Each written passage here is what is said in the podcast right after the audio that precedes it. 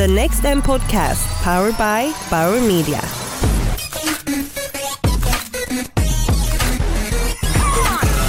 Hej och välkomna till Next M-podcasten 2017 som presenteras av Bauer Media. Mitt namn är Martin Hugosson och jag är VD på Maxos Communications. Jag kommer att leda en serie avsnitt med fördjupning kring de ämnen som tas upp här på Next M. Nu är det andra dagen av Next M och jag sitter i Bauer Medias bås tillsammans med Dr. Kate Stone. So, w- welcome Kate and thank you so much for being with us. Hi, it's a pleasure. Thank you. Would you mind giving the listeners a short recap of your excellent presentations a few hours ago? Wow, it could take me an hour.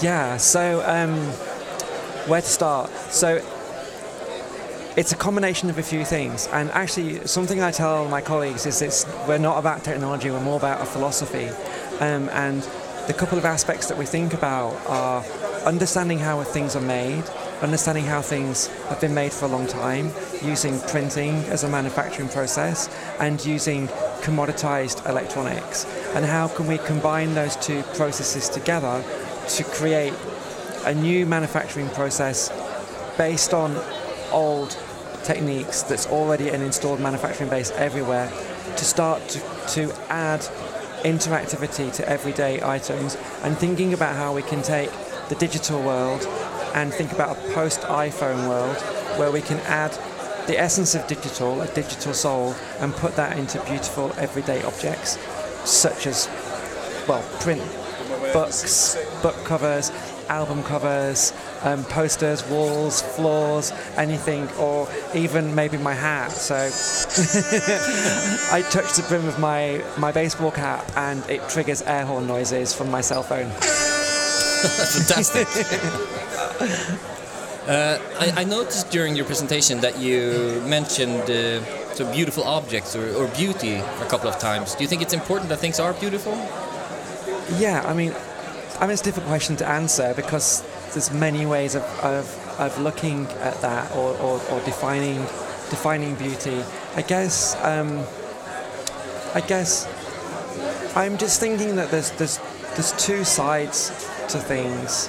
There's there's how things are made, there's what's on the inside of things, but then there's how things are used, and there's how people observe and relate to the things that have been created. And those two aspects are really important. And so I'm just using beauty to say, let's respect design and respect the people that are going to use things. And sorry, I'm making noises from my DJ decks.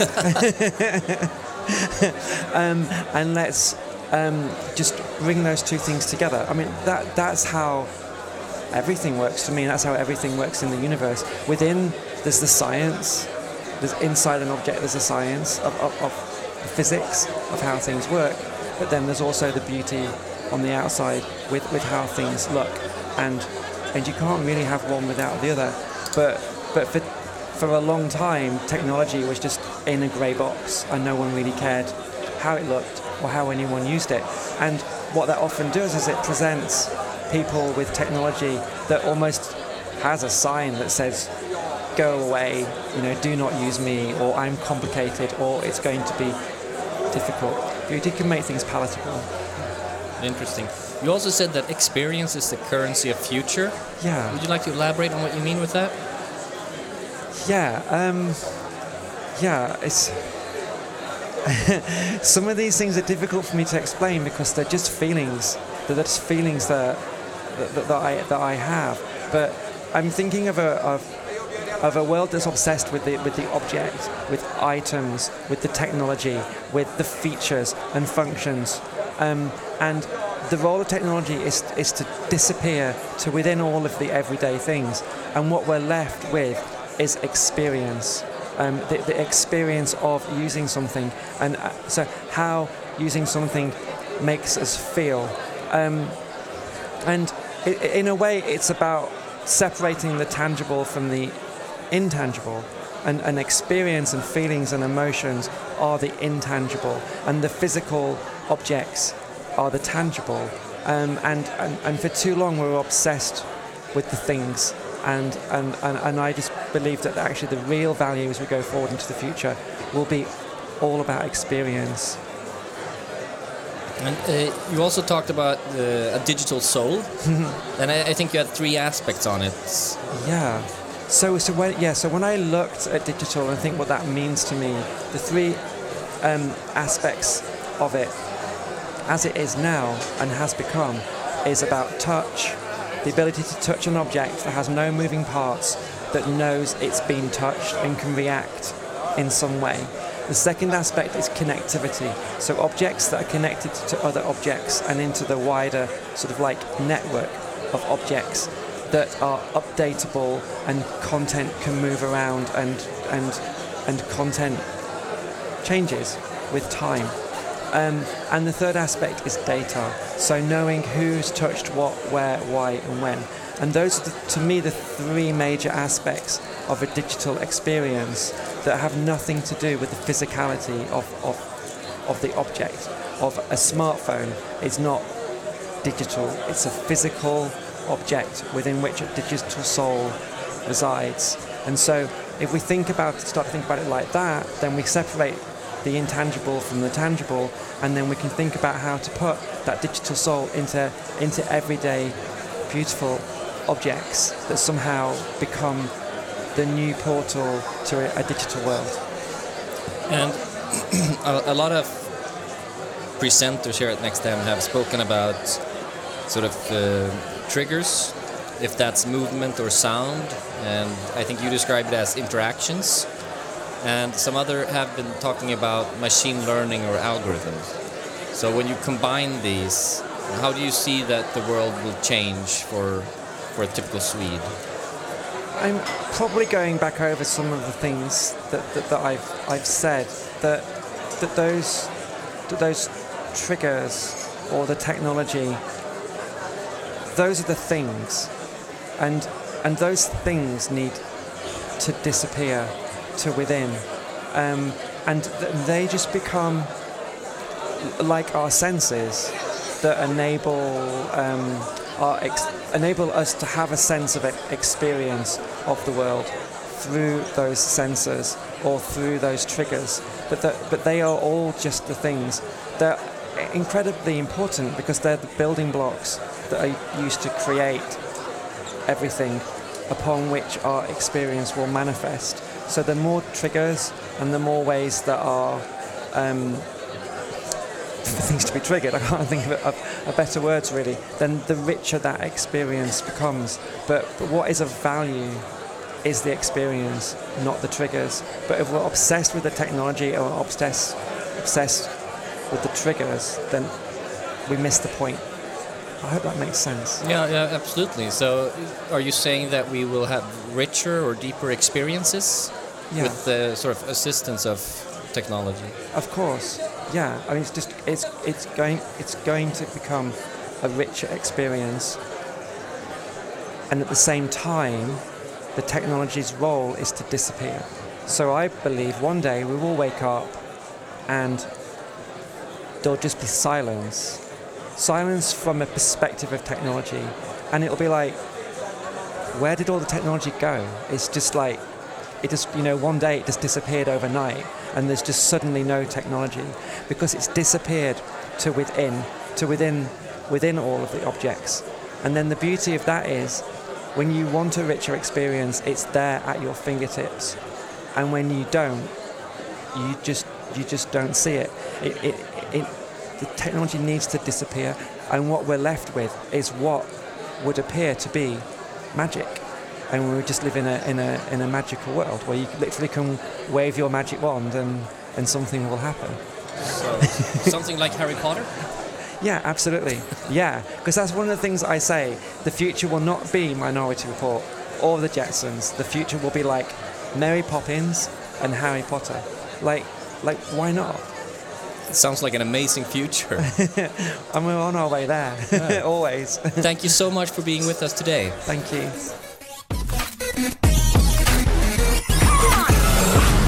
Nu är det andra dagen av NextM och jag sitter i Bauer Medias bås tillsammans med David Shing, Digital Prophet från AOL. Uh, welcome David. Hi Martin, how are you doing? I'm fine, how are you? Uh, I'm really well. That, that the name and title were the only two things I understood from that whole the whole introduction. So, thank you. In uh, 30 minutes or so, you'll go on the main stage.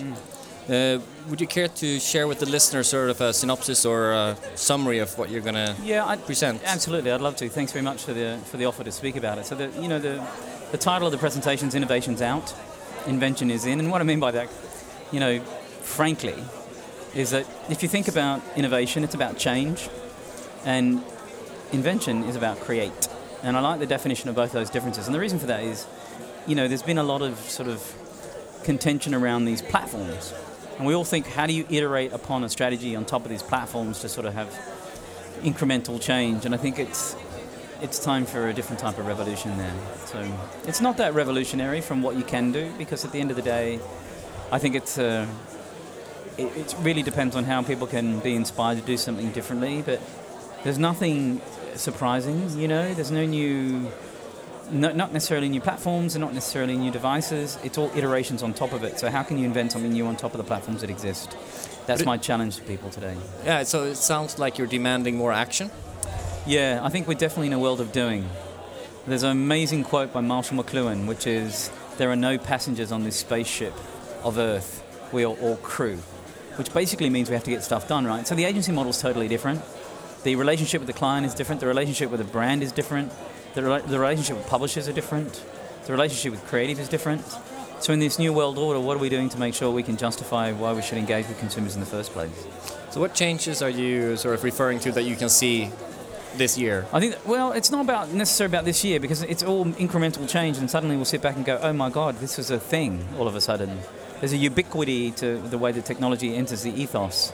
You know, voice recognition. You know, who would have thought that that would be a thing that suddenly popped up and has been here for many years?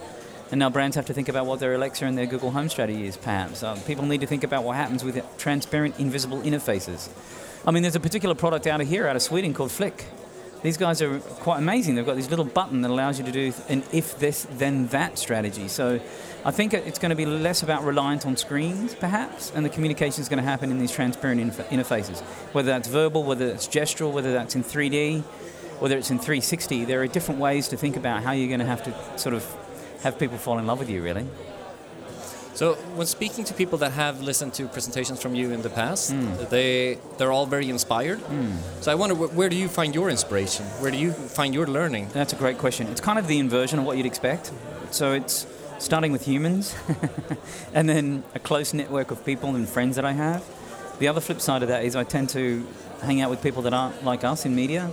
So I hang out with musicians and architects and artists and people who are actually very much in the culture creation part of the world. And that's kind of so relationships. I'm big on texting. I'm also still big on emailing, heaven forbid.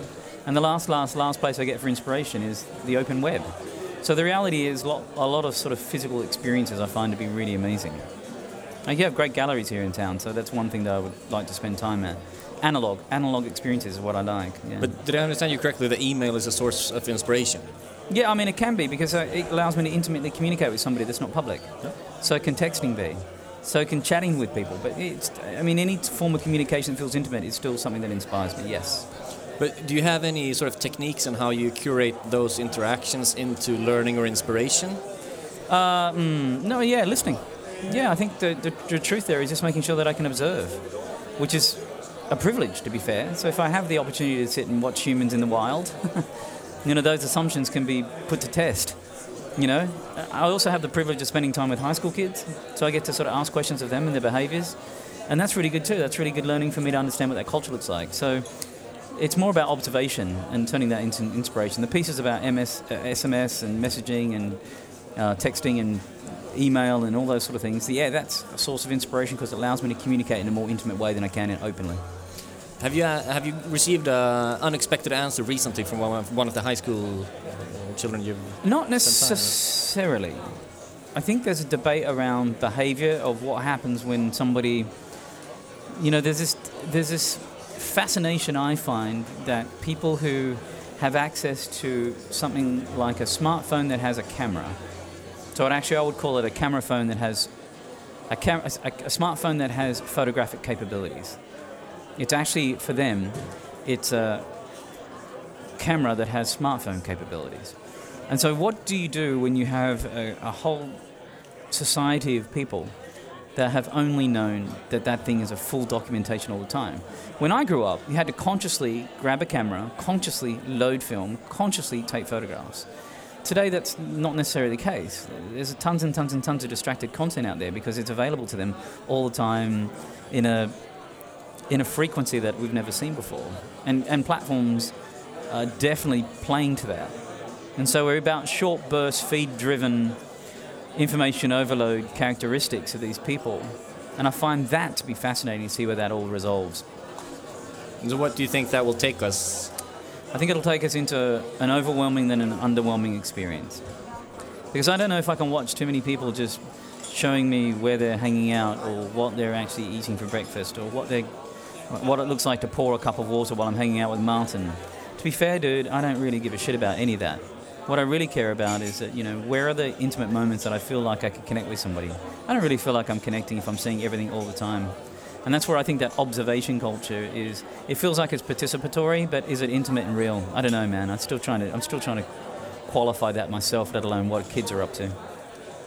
A lot of the the presenters and the speakers here at NextM have spoken about technology that makes uh, shopping or evaluation easier, Sure. faster, more effective, Right. um, or experiences richer. Um, sort of combining all of it, it sort of looks like we'll we'll have more time.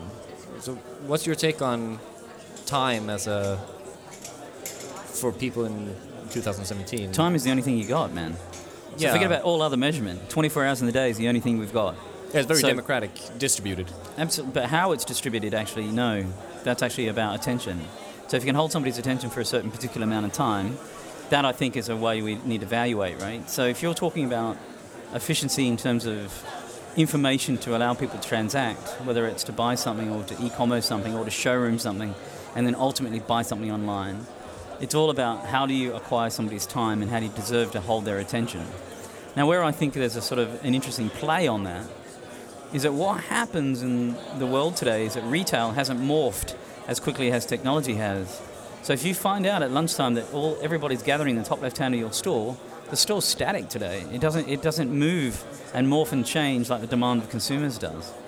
However, the the web does. So I think there's something about you know designing store stores of the future that actually feel like they're more in tune with where the crowd gather. The other thing is I don't think it's about funnels. So when people talk about purchase funnels, I think that's fundamentally not correct anymore. What you're trying to do is change people's behaviors. And you're doing that through persuasion and confirmation, you're doing that through distillation. Like you're trying to actually formulate some sort of changed behavior to them and hope to God they choose your product at the end of the day. So I would challenge people to say that product design then has to be more intimate, more interesting, more creative than standard kind of how quickly can I get something into a box and distribute it and onto a shelf of a supermarket or a, it needs to be far more interesting. Is that contradicting to mass market and appealing to 70% of the population? Yep. It is. Most marketers that have been visiting this podcast, at least this year, um, have shared that they're moving back to more mass media, more reach, and less segmented communication. Would you say that that's wrong? It Depends on the wrong- category, depends on the product, depends on their goals, depends on their shareholders, depends on their users. Depends, depends, depends, depends, depends. If it's a product that's high value, that has some intimacy, then no, I think that's fundamentally wrong. Why would you do that in a world that's super noisy? If you're hit with 1900 media messages per day, why do you want to be 1901 in mass media? I don't think there's intimacy there. But it's, if it's detergent, Well, if it's detergent, you have no choice. You have to do what everyone else is going to do, but you should do something with your de- something that's different with your detergent. You should do something that makes it more effective. You should do something that makes the packaging stand out. You should do something that has talkability around it, not just how do you do a 30-second TV spot that shows somebody jamming that thing in a laundromat. That seems really dink to me because the money you spend in production, the money you spend in media is going to be ignored. So how can you think that mass is the thing that you really want. You don't you have a mass appeal product that's already ubiquitous. So are you trying to move your market share 1% further up? Awesome. Then that's spend and that's mass. But how do you move it 10% up? That's about product development. So I think that's where marketers need to spend more time in the physical product development, not just the and the packaging, not just in how do I quickly distribute this product across the planet and hope to God somebody pays attention to my billboard, newspaper, radio, television experience. So I would challenge that. Great. Thank you so much for joining us. I know you're uh, going up for the stage pretty soon. Thanks very much for having Thank me. Thank you. Cheers.